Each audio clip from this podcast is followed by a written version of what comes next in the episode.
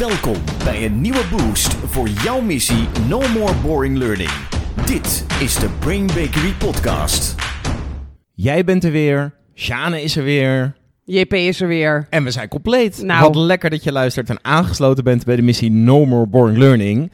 En ja, lieve mensen, het was weer zover. Sjane was zich aan het opwinden. Ja. En je kreeg ook nog een vraag. Ja. Was, was de vraag de reden van je opwinding? Nee. Nee? Ik was me al een tijdje aan het opwinden. En, toen, en dat sudderde zo op de achter. Ik heb Mhm. diverse stadia Ja. van opwinding. Ja. En deze sudderde een beetje op de backburner. En toen kreeg ik een vraag. Toen dacht ik, hier moeten wij wat mee. Als L&D-gemeenschap. Als trainers.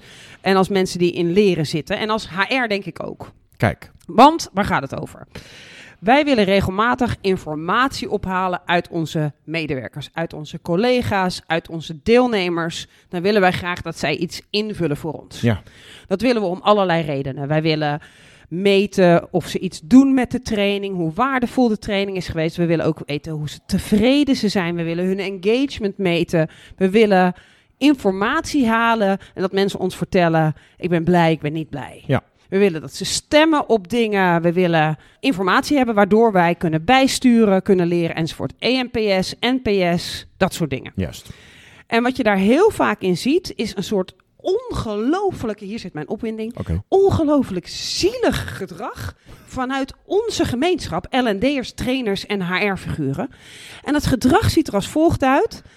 Ja, bijna niemand vult het in. Slechts 7%. Wat erg. En dan krijg je ook nog mails die ze dan gaan versturen met... Ja, daar heeft nog maar zoveel procent gereageerd. En dan wordt er in de board of directors over gesproken. Je moet allemaal je mensen gaan aanspreken, Oh ja, want ze ja. moeten meer gaan invullen. En, en er is wetenschappelijk bewijs dat dit echt het domste is wat je kunt doen. En het is ook nog eens mensonterend over jezelf om het te doen. Ja. Wat je doet is, je, je beschuldigt de anderen dat zij niet willen invullen. Je, je houdt jezelf een soort als onschuldige, want ja, ik heb een hele mail gestuurd met daarin 86 vragen en waarom vult niemand hem nou in? Raar. Het is een, een onwerkzaam iets en ik wil in deze podcast daar gewoon afscheid van nemen. Ik wil dat wij als L&D'ers en HR en als trainers, als wij iets uitsturen, wil ik dat we zorgen dat er massaal veel wordt ingevuld. Lekker. Ja, Ja, want met dit gedrag plaats je jezelf als L&D ook heel erg langs de zijlijn. Hè? Zo van, Ja. ik heb, mijn hand, ja, ik heb een mail gestuurd, ik trek mijn handen Ja. ervan af. Ja, en dan wat je dus gedaan hebt en wat, wat er veel gebeurt. Laten we even kijken naar de, de grondoorzaak hieronder. Hm. Wat er heel vaak gebeurt is dat er allerlei commissies worden opgericht die gaan beslissen van oké, deze vragen willen wij beantwoord hebben. We willen weten hoe lekker zitten mensen in hun vel, wat vinden ze van hun leider, of wat vinden ze van de inhoud van de training, of waar hebben ze het meest over geleerd. We hebben een soort lijst met vragen. Die vragen bedenken wij dan vanuit wat vinden wij Ja. interessant om te weten. En heel vaak zie ik dat daar niet less is more gedachte wordt aangehouden. Heel vaak zitten daar zoveel mensen bij die zeggen: Oh, dan kunnen we dat ook Dit nog vragen. Ook nog de- ja. En wat er dan gebeurt, is dat er een lijst uitgaat met inderdaad 25 vragen. En ook nog, als je dan ja of nee zegt, dan komt er ook nog een pop-up extra vraag. Dus wat je daarmee doet, is dat je niet gaat voor wat is het meest waardevolle wat ik wil weten. En ook niet dat je in balans bent met hoeveel tijd vraag ik, welk cadeau vraag ik van de invuller. Ja. Eh, en wat we dus heel vaak doen, is dat we zeggen: geef mij een cadeau ter waarde van 35 minuten van je tijd, of 20 minuten, of 15 minuten, of misschien 7 minuten. Dat is een flink cadeau voor drukke mensen.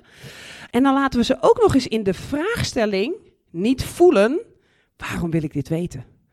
Dan doen we meer van, gezien het jaarlijkse moment dat wij meer de EMPS gaan meten, de engagementcijfers, is het van groot belang dat iedereen dit weer gaat invullen. Dus de what's in it for me, waarom is dit belangrijk voor jou, wat heb jij eraan als je dit invult, wordt niet benadrukt.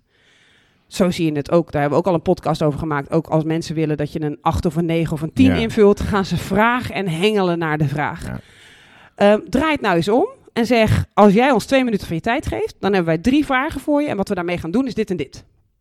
Dus sowieso zijn die twee grote fouten, namelijk dat je de vragen bedenkt vanuit wat wil ik allemaal weten en het niet reduceert. Dat is één fout. En de tweede fout is dat je niet vertelt waarom je het vraagt, Nee. wat je ermee wilt, welke beloften. Vorig jaar hebben we het ook gevraagd en daar hebben we deze verbeteringen mee gerealiseerd. Ja, vooral dat inderdaad. Dat, Dat zou al zo mooi Ja. zijn als dat gebeurt. Ja. Ja. Nou, dat gebeurt dan vaak niet. Dus dat zijn les 1 en 2 al. Ja. Maar dan gaan we eh, naar de derde. En dan wil ik even Cialdini aanhalen. Ik denk dat bijna iedereen Cialdini wel kent. Een Ja. Amerikaanse eh, met Italiaanse roots eh, auteur. Vandaar de naam. Ja. Ja. en die heeft meerdere boeken geschreven, maar zijn belangrijkste boek is Influence and Persuasion. En daarin benoemt hij zes. Inmiddels heeft hij net als Covey ook een zevende uitgevonden hoor. Jawel. Ik denk dat de boekenverkoop stagneerde. Maar hij benoemde zes universele principes over hoe je kunt beïnvloeden. En ik wil er gewoon één aanhalen.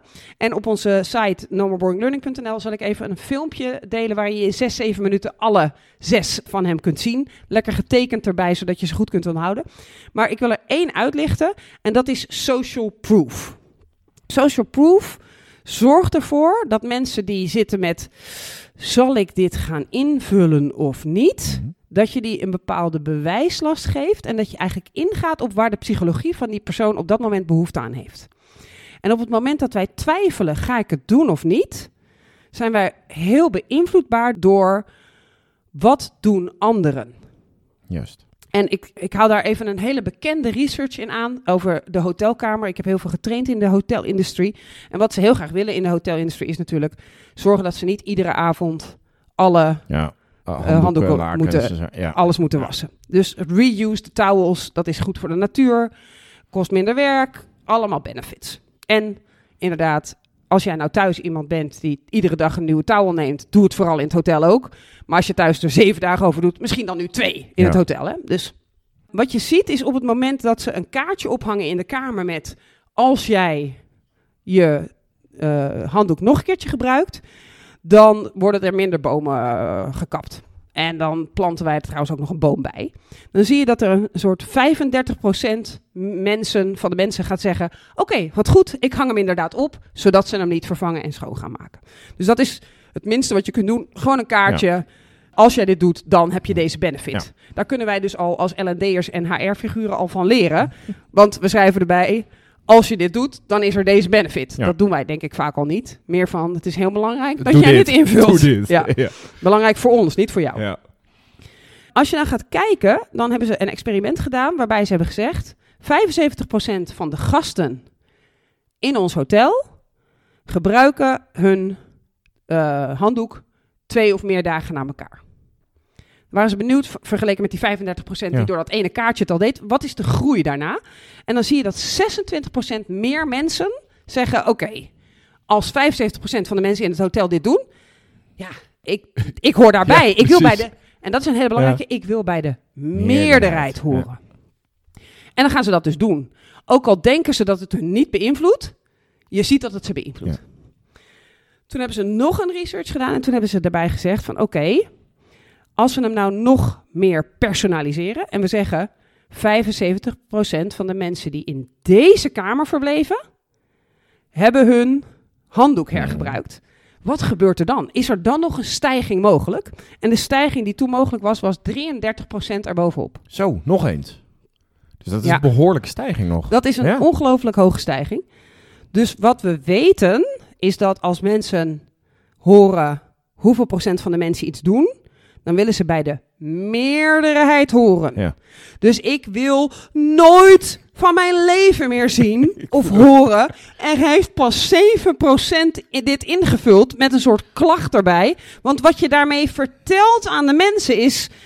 Jij hoort dus nu bij de 93% Ja. verstandige mensen. Blijf daar vooral bij horen. Het is de stomste oproep die je kunt doen. En ik heb er nu een aantal doorgestuurd gekregen van intern in organisaties die mij laten zien hoe dat nu gebeurt. Daar heb ik telkens aan meegekeken van hoe kunnen we dat nou beter doen. En het is dus veel beter om te zeggen, en daar heb ik een aantal tips voor, vier stuks. Oeh, lekker. Wat je veel beter kunt doen om te zorgen dat als je opkomst laag is, dat je zorgt dat je sociaal bewijs, Mhm. ehm, dat je dat inzet om te zorgen dat er meer antwoorden komen. Kijk, Naast goed. Ja. What's in it for you? Naast eh, personaliseren, naast beweren dat al 93% het heeft ingeleverd. Ga maar een keer liegen. Want dan denk je, oh shit, Ja. ik hoor bij de 7%. Ja. Oh, daar wil ik niet bij horen. Ik ga het toch invullen. Maar goed. Nummer 1. Mag ik nog even? Ik hoop niet dat ik je. Ik denk niet, ik hoop niet dat ik je tips eh, doorkruis. Maar wat, bij dat onderzoek was dus een belangrijk element dat bij die laatste, dat laatste kaartje, maakten ze de groep dus zo specifiek mogelijk, waardoor het nog weer groeide. Ja. Dus dat is nog een belangrijk element. Die Ja. groep zo specifiek mogelijk Ja, maken. deze kamer. Ja. Nu voel ik me Ja. veel meer verbonden met de Ja. groep, want die, die verbleven hier voor mij. Ja, je hoopt natuurlijk wel dat ze niet denken... Ik hoop niet dat ik hier nog een oude towel heb, hè? De- maar, de, maar inderdaad, hoe dichter je op de huid komt, hoe meer ik het gevoel heb dat ik bij de groep hoor waar Ja. het over gaat, hoe meer ik bij die meerderheid wil Ja. horen. Dus als je een mail stuurt met, wauw, al 93% heeft het ingevuld, wat lekker. Mocht je nog niet eraan toegekomen zijn, doe ook mee. Veel hogere kans dat Ja. mensen nog gaan invullen.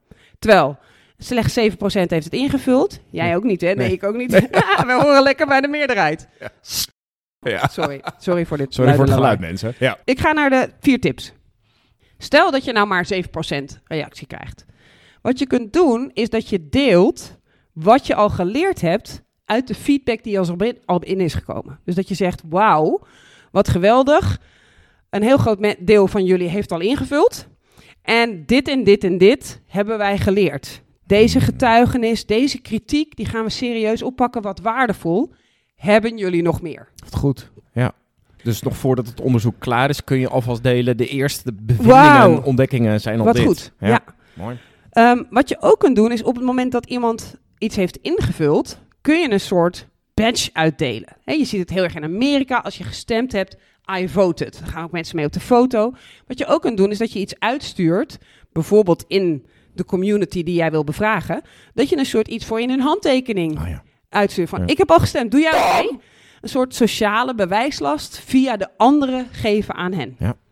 Ehm, als je bijvoorbeeld een bepaalde dag organiseert, ik weet dat een heel aantal organisaties dat doen, we gaan het allemaal invullen op deze dag. Eh, soms doen ze dat ook bij de ingang. Dan kun je bij de lunch gaan staan en vragen: Heb jij al ingevuld? Geweldig. Stickertje. Wauw, wat, wat goed. Ja, Amerikaanse praktijken. Maar het werkt als een malle, want ik wil erbij horen Ja. bij degenen die het goede doen en bij de meerderheid. Leuk. Wat je kunt doen is zorgen dat je vanuit de collega's een soort een klein beetje peer pressure doet. Van oké, lief team van me, stel dat je teamleider bent.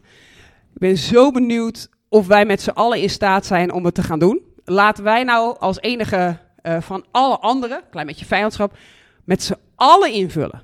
En zullen we ook even vast hebben over welke feedback we willen geven, wat we belangrijk vinden. Natuurlijk ook je eigen feedback geven, maar wat willen wij als belangrijkste stem laten horen als team? Dat gaat natuurlijk ook zorgen van, hé, hey, we gaan dit met z'n allen doen. In plaats van, vul het vooral in, anders krijg ik klachten van HR. Wat ik heel veel managers helaas, heb gedaan, wel, ja. eh, horen doen. En dan inderdaad als laatste, zodra het kan, zonder al te erg te liegen, het percentage ingevulden heel erg vergroten. Ja. Dus op dag 1 heeft vergeleken met vorig jaar al 73% meer gestemd. Ja. En dan, dan moet je dus heel goed naar je getallen kijken. Want misschien hadden er vorig jaar maar 10 gestemd en nu al eh 17. Eh, dus je moet heel goed kijken naar je getallen. Maar als je de mensen het gevoel kunt geven van... ik hoor bij de minderheid als ik niet invul... dan eh, werkt dat heel erg in je voordeel. Want ik wil bij de meerderheid horen. Ja. Ik wil doen wat de rest doet. Dat is helaas een hele grote drijfveer in ons allen. Ook al denk je, nou, bij mij niet. Bij jou ook. Dus ehm, wij zijn met z'n tweeën. Ja. Ja, heb jij het onderzoek al ingevuld? Nee, nee, zeker niet. Ik hoor bij 50% van de belangrijkste. Ik heb hem al ingevuld. Oh, ik hoor bij 50 Oh shit, ik ga het invullen. Ja. Ja. dus lieve mensen, data vergaren is heel belangrijk nu. Ja. Gaat misschien nog wel veel belangrijker worden in de toekomst. We willen meten hoeveel impact we hebben. We willen weten hoe het met onze mensen is. Maak het ze zo gemakkelijk mogelijk. Formuleer het leuk. Eh, zorg dat je weinig vragen stelt. Maak het heel aantrekkelijk. Maar gebruik ook social proof, de sociale bewijslast. Oh, bijna iedereen doet dit. Iedereen heeft hier last van. Wauw, ik wil meedoen met de rest. Dat was het. Dat was hem. Hoe is het met je opwinding? Ja, dat is wel heel lekker. Mijn cortisol voelde ik echt Ja, gedurende de hele podcast onwijs naar beneden Ja. gaan. Ja, jullie luisteraars, jullie denken, we maken die podcast voor jullie. Maar dit is gewoon, therapie dit. Gewoon totale therapie. Bedankt allemaal dat Ja. ik dit mocht delen. ja, en bedankt voor het luisteren. Kijk vooral op de website nomoreburnlearning.nl voor extra informatie. En dus dat filmpje wat je net eh, vertelde over de andere technieken van Cialdini. En eh, wij spreken elkaar de volgende aflevering weer. Tot dan. No more boring learning. Dit was de Brain Bakery podcast. Wil je meer weten? Kijk dan op brainbakery.com of volg ons op onze socials.